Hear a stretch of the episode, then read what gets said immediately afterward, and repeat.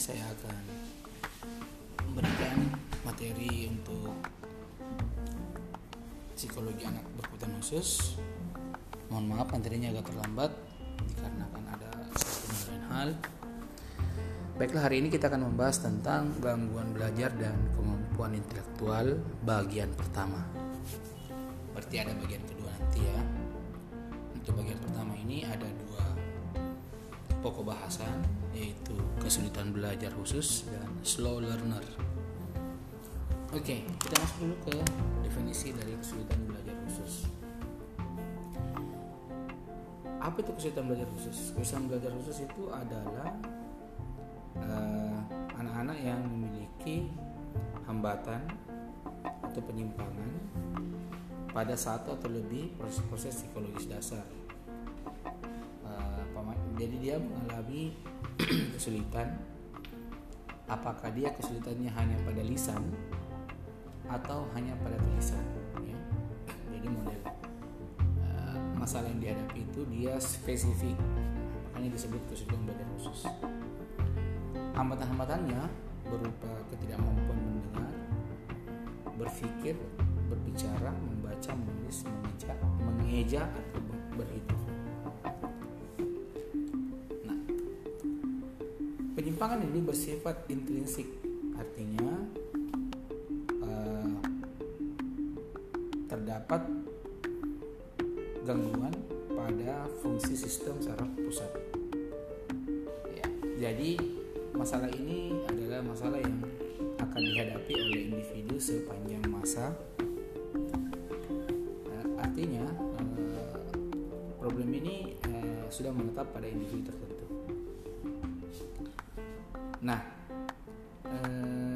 masalah-masalah lain itu muncul seperti ketidakmampuan untuk meregulasi diri.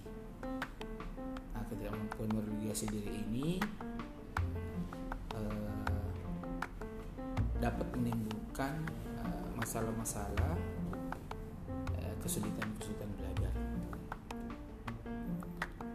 Nah, hambatan pada anak ini hambatan pada anak dengan kesulitan belajar khusus ada beberapa contohnya seperti gangguan persepsi kerusakan otak MBD minimal brain dysfunction ya jadi kerusakan otak minor terus eh, disleksia dan gangguan dalam memahami kata-kata atau developmental aphasia.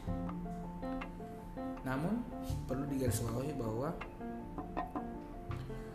Gangguan ini tidak mencakup anak-anak yang mengalami hambatan belajar karena adanya kecacatan secara visual, pendengaran atau motorik, keterbelakangan mental, gangguan emosional atau deprivasi atau kurangnya stimulasi dari lingkungan.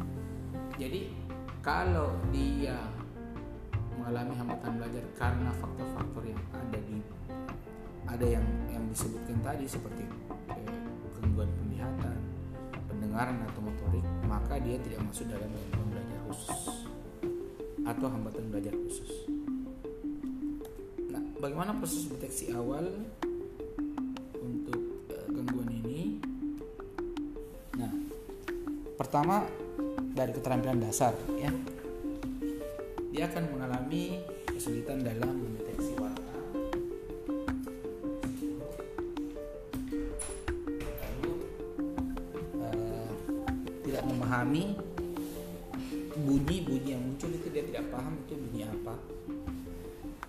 kesulitan mengingat fakta matematika sederhana. Jadi uh, perkalian-perkalian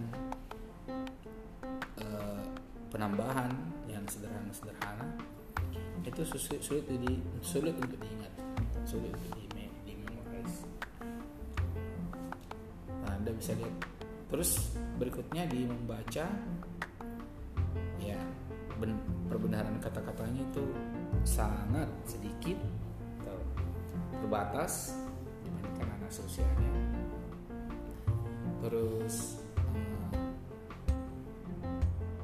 terbata-bata dalam membaca. Terus biasanya membaca dia uh, mencoba untuk mengganti dengan visual. Artinya kalau ada yang kata yang dia tidak mengerti atau ada hal yang ingin dia ucapkan namun dia tidak dia tidak memiliki perbendaharaan kata untuk menginginkan sesuatu maka dia menunjuk secara visual berikutnya menulis ya. nah ini hurufnya ditempatkan terbalik-balik ya. ada ejaannya yang salah atau kehilangan konsonan dalam kata ya. jadi biasanya hurufnya kurang dan eh, menulis dengan susah berikutnya bagaimana dengan bahasa lisannya? Ya, ini tadi. Kosakata yang tepat itu sulit untuk dicari. Sulit mencari kosakata yang tepat. Lalu e, terbatas kosakatanya. Dan dia kesulitan mengingat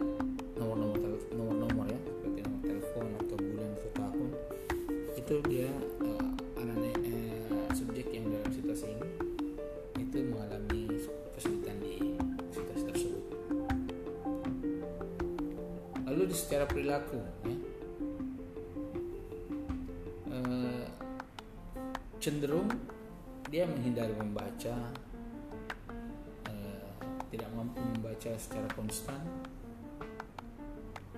e, dan cenderung hanya tertarik pada gambar di buku daripada kata atau kalimat ya. Jadi ya fokusnya hanya di gambar-gambar saja. Itulah ciri-ciri khas untuk membaca uh, sorry gangguan belajar khusus nah berikutnya ada istilah dispraksia dispraksia itu adalah adanya gangguan dalam intelijensi auditori motor ya. Artinya uh, dia tidak mampu menggerakkan bagian tubuhnya yang benar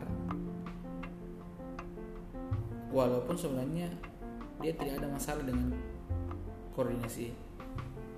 Dia tidak mengalami kelumpuhan ya. bentuk masalahnya itu bisa lewat verbal dan non verbal nah, beberapa jenis dispraksia itu pertama dispraksia ideomotoris. Motoris itu tidak mampu melakukan gerakan praktis sederhana.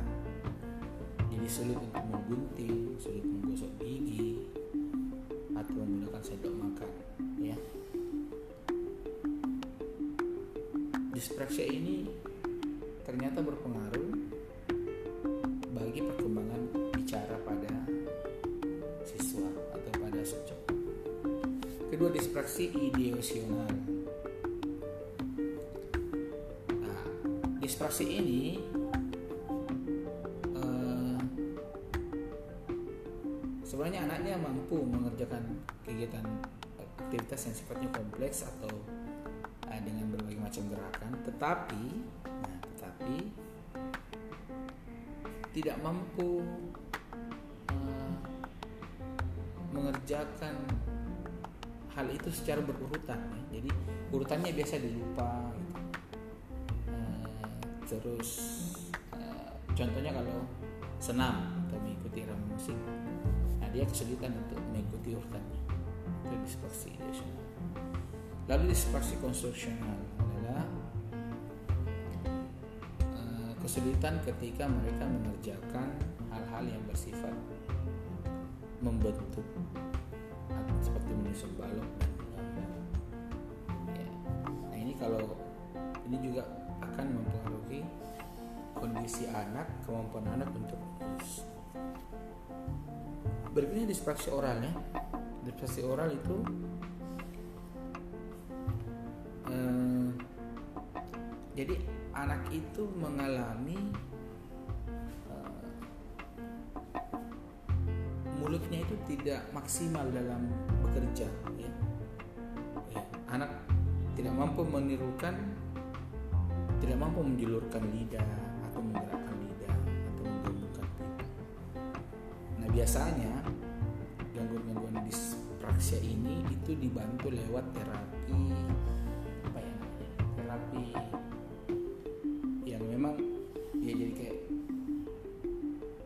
di, dibantu oleh fisioterapis ya, fisioterapis itu nanti digosok pernah saya punya lihat saya pernah lihat itu digosok pakai sikat gigi khusus.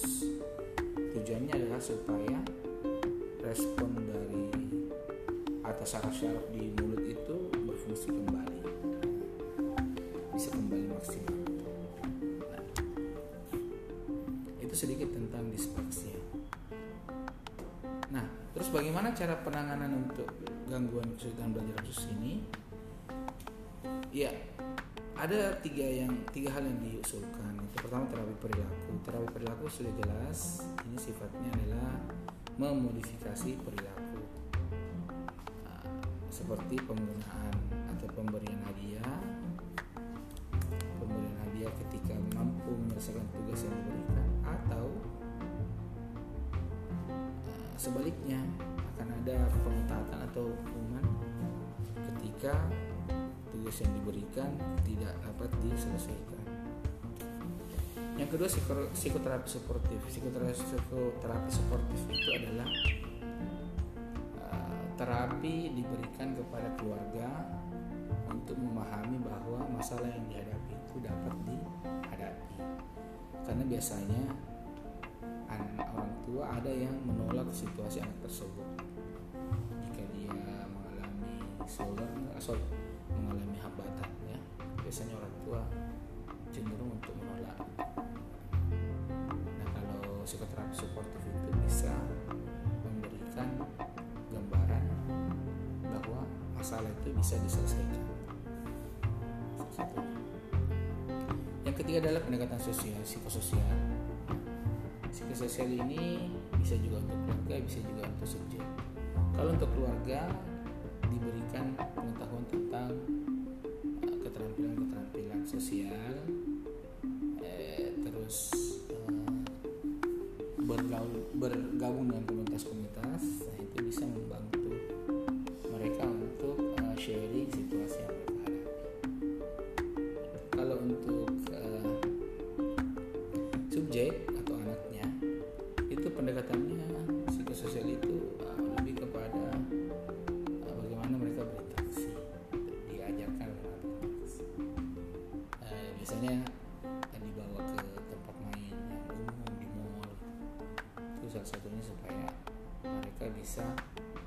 uh, merasakan situasi interaksi dengan orang lain.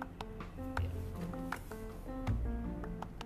Berikutnya kita pindah ke slow learner. Slow learner itu adalah kalau di bahasa Indonesia kan artinya lambat belajar ya. Apa itu slow learner? Slow learner itu di memiliki uh, ciri-ciri prestasi belajarnya di bawah rata-rata pada satu atau seluruh bidang akademik. Tapi bukan uh, bukan subjek yang mengalami keterbelakangan mental. Nah, slow learner itu secara fisiologis atau otak itu normal, tidak ada masalah. Cuman mungkin karena uh, stimulus yang kurang tepat sehingga dia mengalami keterlambatan dalam proses belajar. IQ-nya itu antara 70 sampai 90. Uh, biasanya tidak hanya pada akademik juga mengalami gangguan pada koordinasi motorik. Uh, karena situasi tersebut kadangkala mereka para slow learner ini eh, menjadi pemalu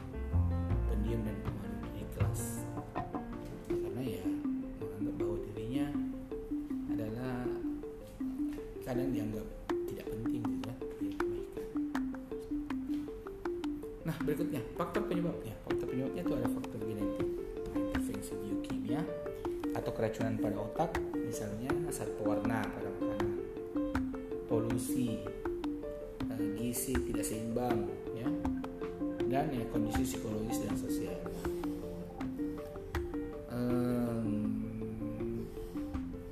Contohnya mungkin broken home ya broken home itu adalah situasi yang uh, banyak menimbulkan masalah pada anak-anak yang terlibat dalam situasi tersebut. Ya. Ada yang uh, kehilangan kepercayaan diri, ada yang slow learner, ada yang trauma, trauma gitu. Itu banyak. Salah satu situasi. Berikutnya ada juga faktor eksternal, ya.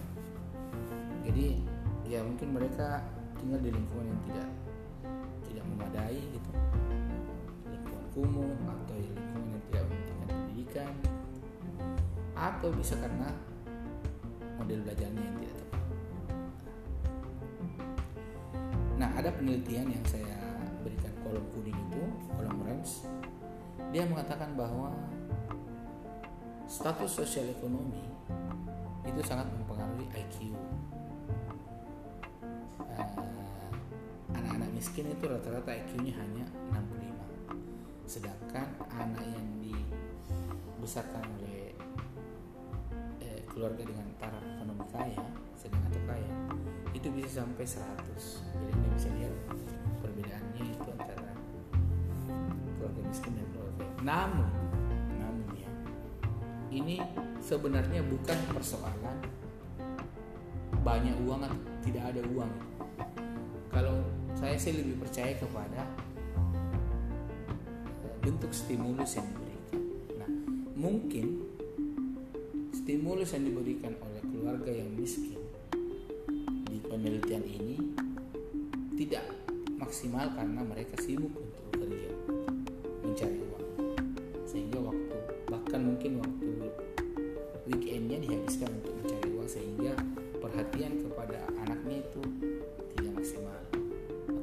diberikan anaknya tidak maksimal Eh, berbeda dengan keluarga yang kaya atau keluarga yang eh, menengah atau kaya. Mereka tetap menghabiskan waktu. Mereka tetap menyiapkan waktu untuk berinteraksi dengan anak nah jadi bukan persoalan sebenarnya banyak atau tidak. Tergantung stimulus. Karena beberapa kondisi memperlihatkan anak-anak dari eh, level ekonomi keluarga yang rendah itu ada juga yang berhasil sampai tingkat S1 atau tingkat S3 jadi is- eh, bukan nah, ini salah satu ini sebenarnya adalah penelitian yang eh, mau memperlihatkan bahwa kemiskinan adalah salah satu situasi yang eh, memiliki resiko mengakibatkan terjadinya gangguan itu sebenarnya masalahnya. Oke, kita lanjut ke deteksi. Bagaimana mendeteksi? Eh, anda bisa lihat nanti anak-anak yang mengalami eh, slow learner itu adalah ini tidak matang ya dalam hubungan interpersonal. Artinya dia tidak paham itu ini berteman seperti apa Eh, dan terlihat sangat canggung ketika melakukan hubungan berteman. Kedua, petunjuk dalam tugas itu dibuat banyak langkah. Kalau dia hanya petunjuk yang diberikan itu tidak spesifik, umpamanya buatlah garis di ini. Eh, buatlah sebuah cerita tentang kehidupanmu sehari-hari. Nah, itu kalau anak slow learner tidak bisa. Dia harus didetailkan bahwa buatlah tulisan dalam eh, empat paragraf umpamanya. Terus tiap paragraf itu paragraf pertama ini, paragraf kedua ini, paragraf ketiga ini. Nah, terus gunakan eh, buku ini apa itu harus seperti itu learner harus detail. Karena dia inisiatifnya sangat kurang. Kemampuan belajarnya sangat rendah. Nah akibatnya dia tidak mampu membuat strategi. Terus tidak mampu membuat kesimpulan dari ekonomi namun nah ini namun alhamdulillah ada juga potensinya. Yaitu mengerjakan tugas-tugas yang sifatnya rutinitas.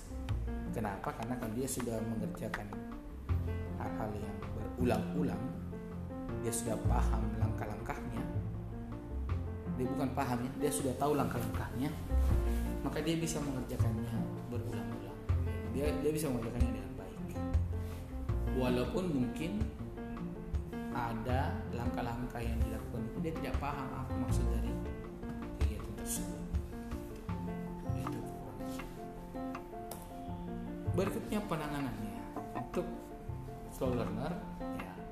penanganannya sudah jelas tadi karena tidak mampu memahami tugas yang diberikan maka materinya harus diberikan berulang-ulang dan sebaiknya dikaitkan dengan aktivitas-aktivitas umum ya contoh mungkin kalau mau belajar berhitung dikaitkan dengan aktivitas berbelanja durasi belajar tidak boleh terlalu panjang dan pekerjaan rumahnya dia lebih sedikit. Pendekatan peragaan dan visual merupakan metode yang efektif, jadi uh, langsung ditunjukkan. Dia anak seluruh itu perlunya melihat langsung, tidak bisa membayangkan karena imajinasinya tidak mampu tidak kuat. Tugasnya harus detail dan ah ini orang tua yang paling penting juga adalah orang tua harus memahami situasi anaknya dan membantu anaknya menyelesaikan masalah yang menghadapi. Nah, slow learner adalah kondisi yang sebenarnya tidak terlalu sebenarnya masih bisa di masih bisa di uh, diatasi karena masih punya potensi. Uh, tergantung bagaimana tingkat ya kesabaran para orang di sekitarnya yang ingin memaksimalkan potensi dari anak tersebut karena kalau tidak sabar sudah pasti akan bermasalah dan kalau tidak uh, sepengetahuan saya itu kalau dia tidak dilakukan secara sistematis uh, prosesnya itu juga akan uh, tidak akan memperlihatkan kemajuan yang signifikan. Jadi butuh strategi-strategi yang, yang yang yang baik ketika uh, menghadapi anak-anak dengan kondisi slow learner. Ya. saya kira cukup sekian uh, untuk tugas kali ini belum ada karena uh, dia masih di bagian satu. Tugasnya nanti setelah di bagian dua. Bagian dua nanti akan ada tugas mencakup bagian satu dan bagian dua. Uh, saya tutup materi saya dengan ucapan Alhamdulillah Assalamualaikum warahmatullahi wabarakatuh.